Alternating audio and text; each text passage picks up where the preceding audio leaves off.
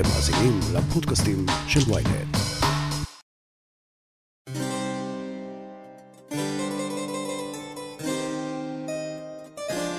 היי, אתם מקשיבים ל"נא להפיץ", הפודקאסט של ynet שעוסק בקונספירציות, שמועות ושלל סיפורים מפוקפקים אחרים, ואני יובל פלוטקין.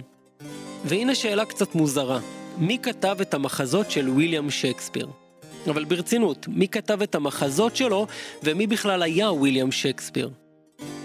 אני בטוח שגם אם לא קראתם שורה אחת מתוך מחזה בחיים שלכם, אתם יודעים על מי אני מדבר, כן?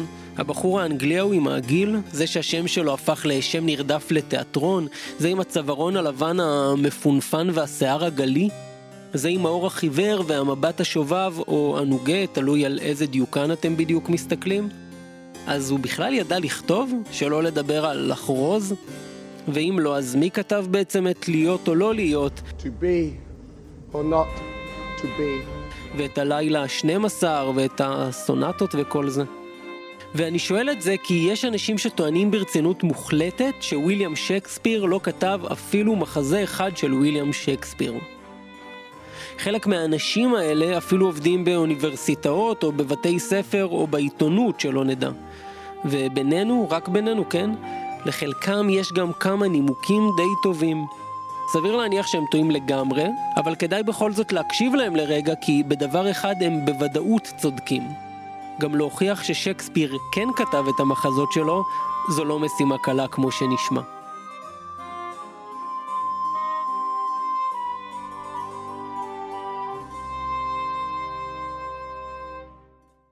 הוא אמנם פעל לפני משהו כמו 400 שנה, ניד עפף במונחים היסטוריים, אבל זה רחוק מספיק מימינו בשביל שנוכל להודות בריש גלי שאנחנו לא יודעים על ויליאם שייקספיר יותר מדבר או חצי דבר.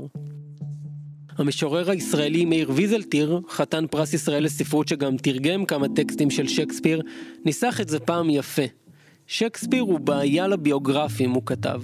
העובדות הידועות מעטות מדי ורעועות מדי, קירי מידע ותו לא. מה שידוע באמת ואינו מצוץ מהאצבע ומבוסס על שמועות פורחות, אפשר לסכם בכמה עמודים בודדים. וזה נכון, אנחנו יודעים מתי שייקספיר נולד, אבל לא בטוחים בזה ברמת היום, רק השנה והחודש. ואנחנו יודעים מתי הוא מת, אבל לא ממה הוא מת. ואנחנו יודעים שהוא קנה בית נחמד פה וכמה שטחים שם והתחתן ושהיו לו שלושה ילדים, שתי בנות ובן, וגם איך קראו לקבוצת השחקנים שלו ובמה עסק אבא שלו, וזהו בערך. זה בערך הכל.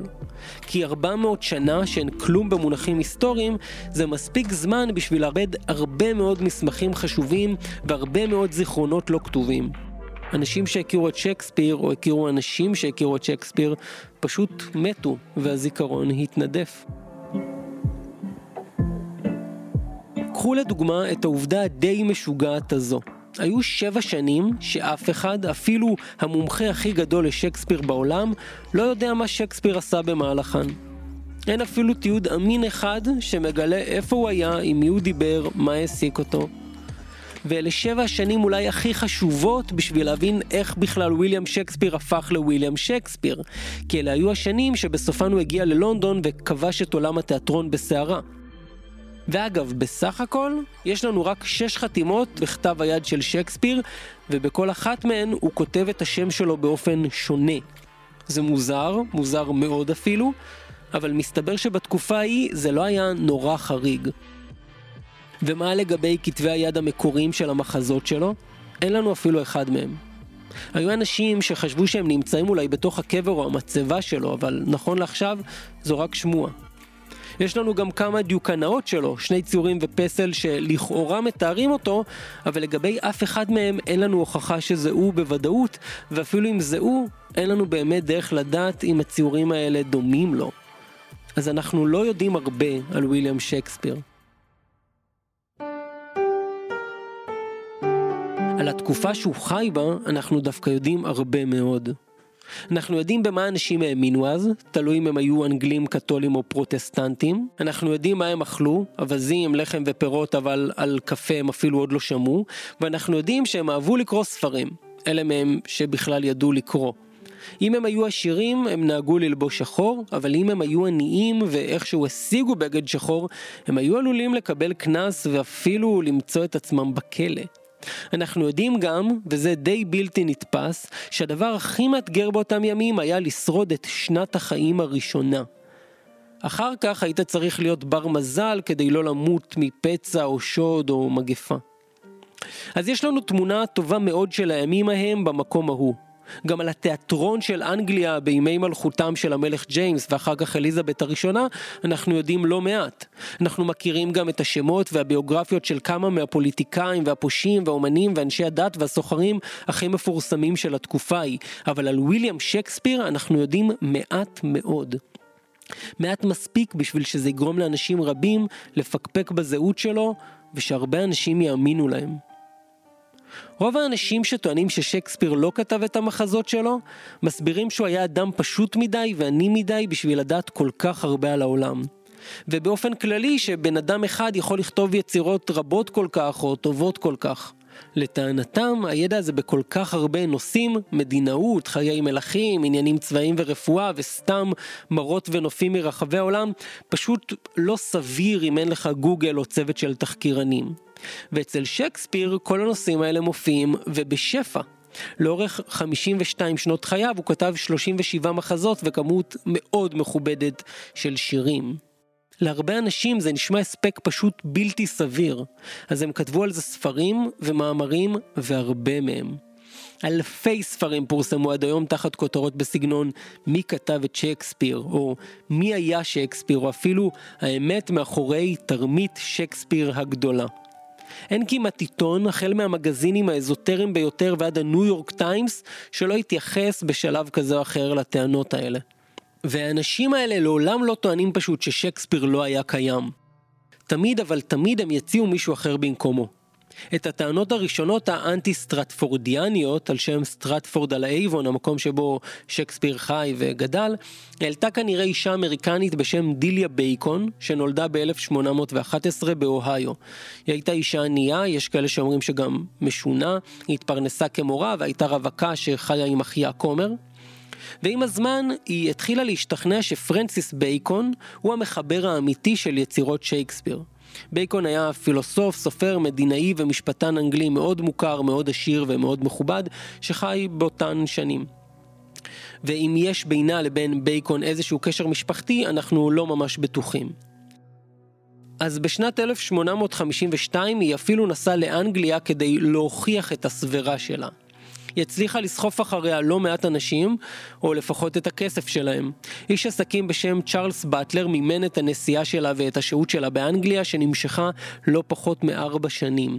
היא חיה שם, ספגה את האווירה, לא ממש ערכה מחקר רציני, ובסוף פרסמה ספר של 675 עמודים שעוסק בשייקספיר, ואפילו הצליחה לגרום לאדם מוערך למדי בשם נתניאל הות'ורן, שכיהן באותה תקופה כקונסול האמריקאי בליברפול, לכתוב לה את ההקדמה. אחר כך הוא התחרט מאוד ואפילו כתב במכתב למכר, לעולם לא אהיה נחמד יותר לאיש עד סוף חיי. בייקון עצמה מתה ב-1859 אחרי שהיא אושפזה בטענה שהיא לא שפויה. אבל הרעיון הזה איכשהו תפס, ואפילו כותבים חשובים כמו מרק טוויין והנרי ג'יימס האמינו בו. אולי פשוט מתוך קינה בשייקספיר, האדם הפשוט שכתב דברים גאוניים כל כך.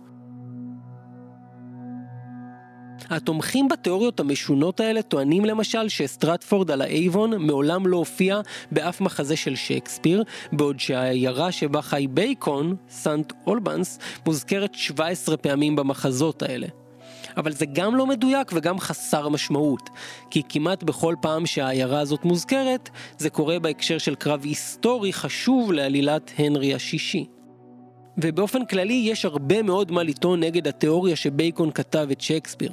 קודם כל הוא היה אדם מאוד עסוק שאין שום סיכוי שהיה מספיק לפרסם כל כך הרבה מחזות, וזה במקביל לדברים שהוא עצמו כתב והספיק לעשות. ושנית, לא ידוע על שום קשר שבייקון קיים אי פעם עם שום אדם מעולם התיאטרון, ולא רק זה, הוא אפילו התבטא לא פעם נגד התיאטרון כאומנות, וטען שהוא מטופש, המוני וקל דעת.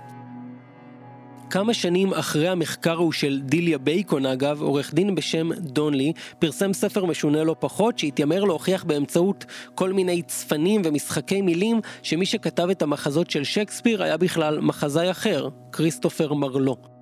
הטענה הזו, שנהייתה מאז מאוד פופולרית, גורסת שבאיזשהו שלב בחיים שלו, בגיל 29, מרלו ביים את מותו, והמשיך להשתמש בשם וויליאם שייקספיר, או באדם וויליאם שייקספיר, כדי לפרסם את המחזות שלו. ולמה הוא עשה את זה? אף אחד לא באמת יודע להסביר, בדיוק כמו בתיאוריה של בייקון. בתחילת שנות ה-20 עלתה בכלל סברה אחרת. תומאס לוני, מנהל בית ספר מצפון מזרח אנגליה, טען בספרו זהותו של שייקספיר נחשפת, שמי שכתב את שייקספיר היה לא אחר מאשר אדוארד דה ויר הרוזן ה-17 מאוקספורד. לפי לוני, שייקספיר לא היה מספיק רחב אופקים או איש העולם הגדול בשביל שיוכל לכתוב את המחזות האלה. מי שכן כתב אותם, חייב להיות איש אצולה. וללוני היה גם על מה להסתמך לכאורה, כי הרוזן מאוקספורד, איש משכיל מאוד, היה אכן משורר ומחזאי שגם ידע מעט איטלקית, ובמחזות של שייקספיר באמת יש קצת איטלקית. ולא רק זה, אדוארד דביר גם מסתובב בחוגים החברתיים הנכונים, ולמעשה המלכה אליזבת אפילו העריצה אותו. אז מה עונים על זה? איך מפריחים את תיאוריית אדוארד דביר? קודם כל, רבים מצביעים על כך שמדובר באדם מאוד לא צנוע בלשון המעטה. הוא בעצמו כתב לא מעט מחזות, אז למה שדווקא את המחזות אה, של שייקספיר, שהכי הצליחו, הוא יכתוב תחת שם בדוי? למה שהוא לא ייקח עליהם קרדיט? ויש בעיה נוספת חמורה בהרבה. אדוארד דביר מת ב-1604. בשלב הזה כמה מהמחזות הכי גדולים של שייקספיר אפילו עוד לא נכתבו. אז יש מי שטוענים שדביר כתב אותם לפני מותו וביקש שהם יתפרסמו לאורך השנים. אבל זה לא אפשרי פשוט כי המחזות המאוחרים של שייקספיר עוסקים באירועים שעוד לא קרו כשדביר מת. נניח הסערה נכתב בעקבות ספינה שטבעה באזור בורמה בשנת 1609. וכמו שקורה בתיאוריות קונספירציה, גם במקרה הזה התיאוריה עברה תיקונים בעקבות הביקורת. היו למשל אנשים שטענו שאם שייקספיר לא היה בעצם אדוארד דביר, אז אולי הוא היה בן החורג שלו או משהו כזה. ויש עוד עשרות גרסאות נוספות. היו כאלה שטענו ששייקספיר הוא בכלל איזה בחור בשם וויליאם סטנלי, הרוזן השישי מדברי, או מרי סידני, הרוזנת מפמברוק, וכן הלאה וכן הלאה, ולעולם בלי שום הוכחה חד משמעית.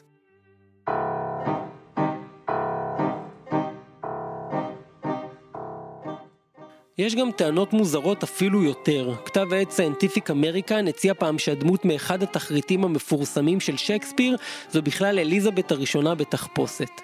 וזיגמונד פרויד, אבי הפסיכואנליטיקה, לכאורה אדם רציני, משום מה טען פעם, בלי שום הוכחה, ששייקספיר היה צרפתי בשם ז'אק פייר.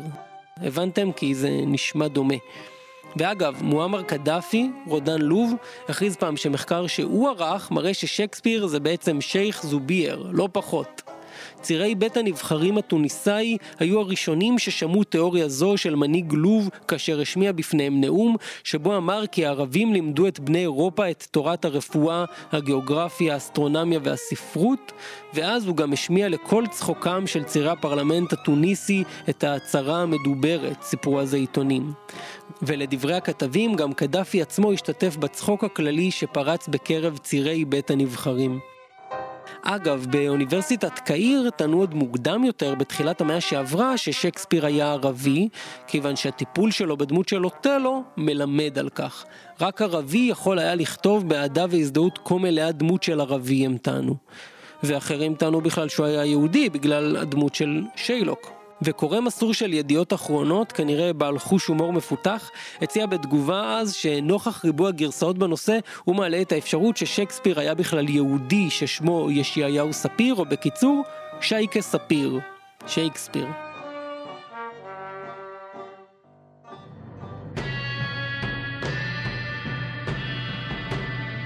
התיאוריה היפה מכולן אולי, יומרנית וקסומה כאחת, מופרכת אבל מסעירה את הדמיון, גורסת שמי שחיבר את מחזות שייקספיר לא היה אדם אחד, אלא התאגדות של כמה יוצרים מוכשרים, בין היתר בייקון ואולי גם סר פיליפ סידני, סר וולטר, מי יודע, אולי גם בן ג'ונסון, והם יחד המציאו את דמותו של שייקספיר וכתבו את המחזות שלו.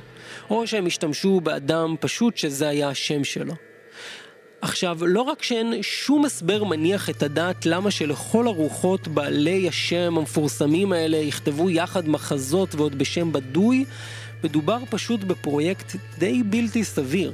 קשר שתיקה שמערב עשרות אנשים, יוצרים, בני אצולה, שחקנים, מנהלי תיאטראות, בני משפחה, חברים, מכרים, ובלי שום הדלפה.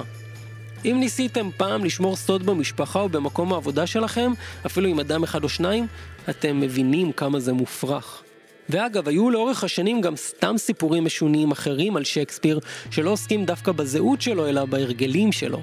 נניח טענות בלתי מבוססות שהוא ניהל אורח חיים הומוסקסואלי, או שעישן הרבה חשיש, ושמשם בעצם הגיעה ההשראה שלו. החוקרים שהעלו את הטענה הזו מסבירים שהוא לא היה יכול לכתוב טקסטים פילוסופיים מוצלחים כל כך בלי לעשן איזה משהו, וכנראה שזה מעיד הרבה יותר עליהם מאשר עליו. ובכל זאת, למרות שיש לנו מעט מאוד ידע על שייקספיר, יש בכל זאת גם כמה עובדות שאי אפשר להתעלם מהן.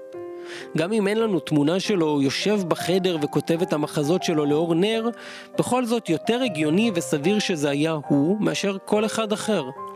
יש גם שפע של מסמכים רשמיים שפשוט מזכירים אותו בשם שלו ומייחסים לו את כתיבת המחזות, כמו לדוגמה ברשומות של הממונה על הטקסים לשנים 1604 עד 1605, שבהם מתועדים כל המחזות שהוצגו בפני המלך, ושייקספיר מוזכר שבע פעמים כמי שכתב את המחזות שראה ג'יימס הראשון.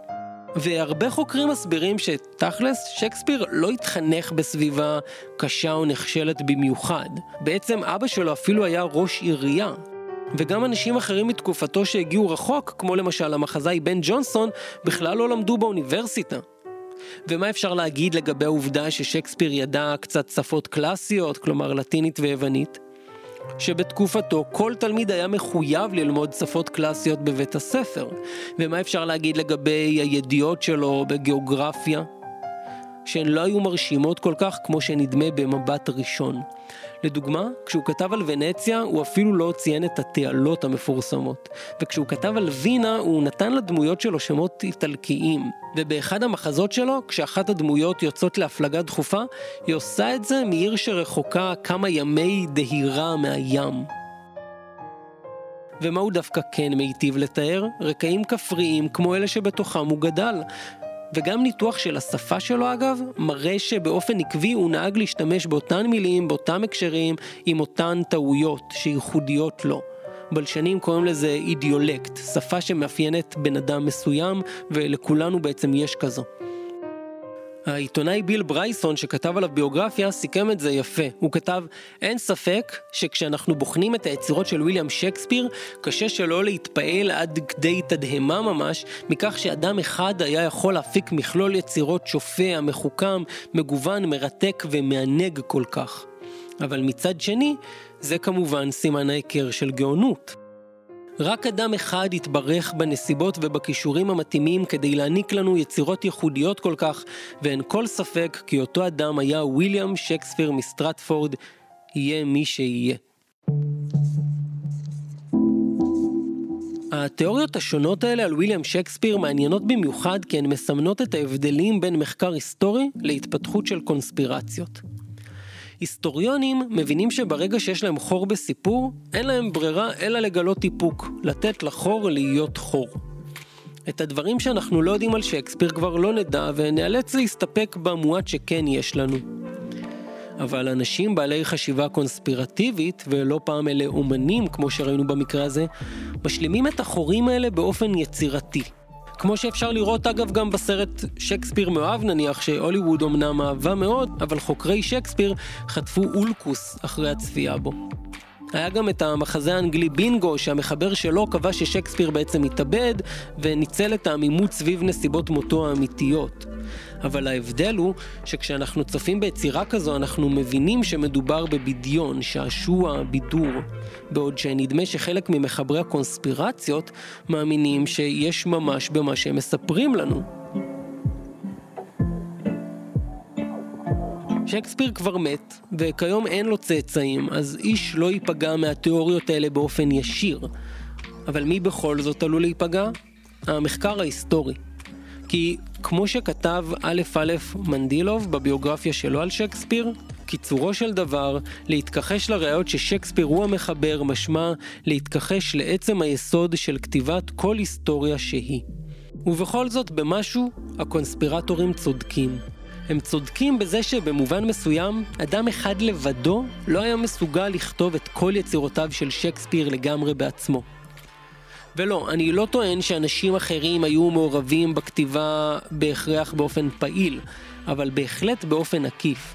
כי ככה יצירה, כל יצירה אגב מספרות עד מדע, עובדת. אתה משתמש בתובנות שהשיגו אחרים. שייקספיר לא היה חייב להפליג לאיטליה כדי לכתוב עליה, מספיק היה שהוא יקרא עליה במחזה של מישהו אחר.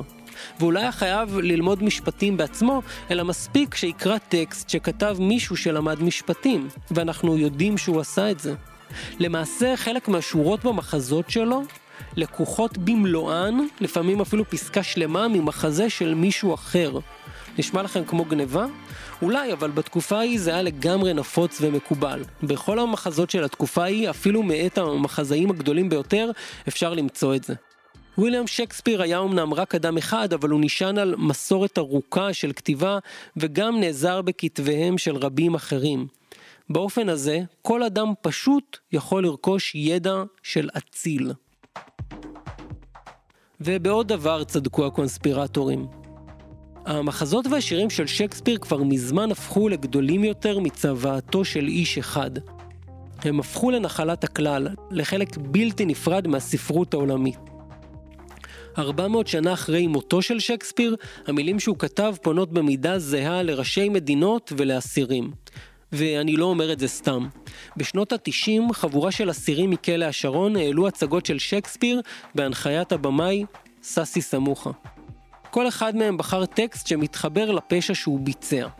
אחד מהם, אסיר בשם משה בן שטרית, שישב על הריגה ושוד, בחר במונולוג מתוך המחזה הנרי הרביעי, כשעברתי על המונולוג הזה, הבנתי פתאום כמה עיוותי את החיים שלי, ולאט לאט דרך העבודה להצגה, אני מרגיש שהורדתי את הכבוד למקום הריאלי שלו, ובמקומו שמתי את חיי האדם, הוא סיפר אחר כך לעיתון. אני מרגיש שכל זה קרה לי בזכות השתתפותי בהצגה. בשום מקום ובשום קבוצה ובשום טיפול לא היה לי אומץ לגעת במקום הזה. ואז הוא סיכם, אני יודע שהרבה פעמים החזות שלו, שהועלו בתיאטרון, גרמו לשייקספיר להתהפך בקברו. אבל אני חושב שאם הוא יראה אותנו, זה יהיה מקור לגאווה בשבילו. תודה שהאזנתם ל"נא להפיץ". אתם מוזמנים להפיץ את הפודקאסט הזה ולעקוב אחרינו בספוטיפיי, באפל ובגוגל, או בכל מקום שאתם שומעים את הפודקאסטים שלכם. את הפרק הפיק ערן רחמני וערך שחר ברקת, ואני יובל פלוטקין.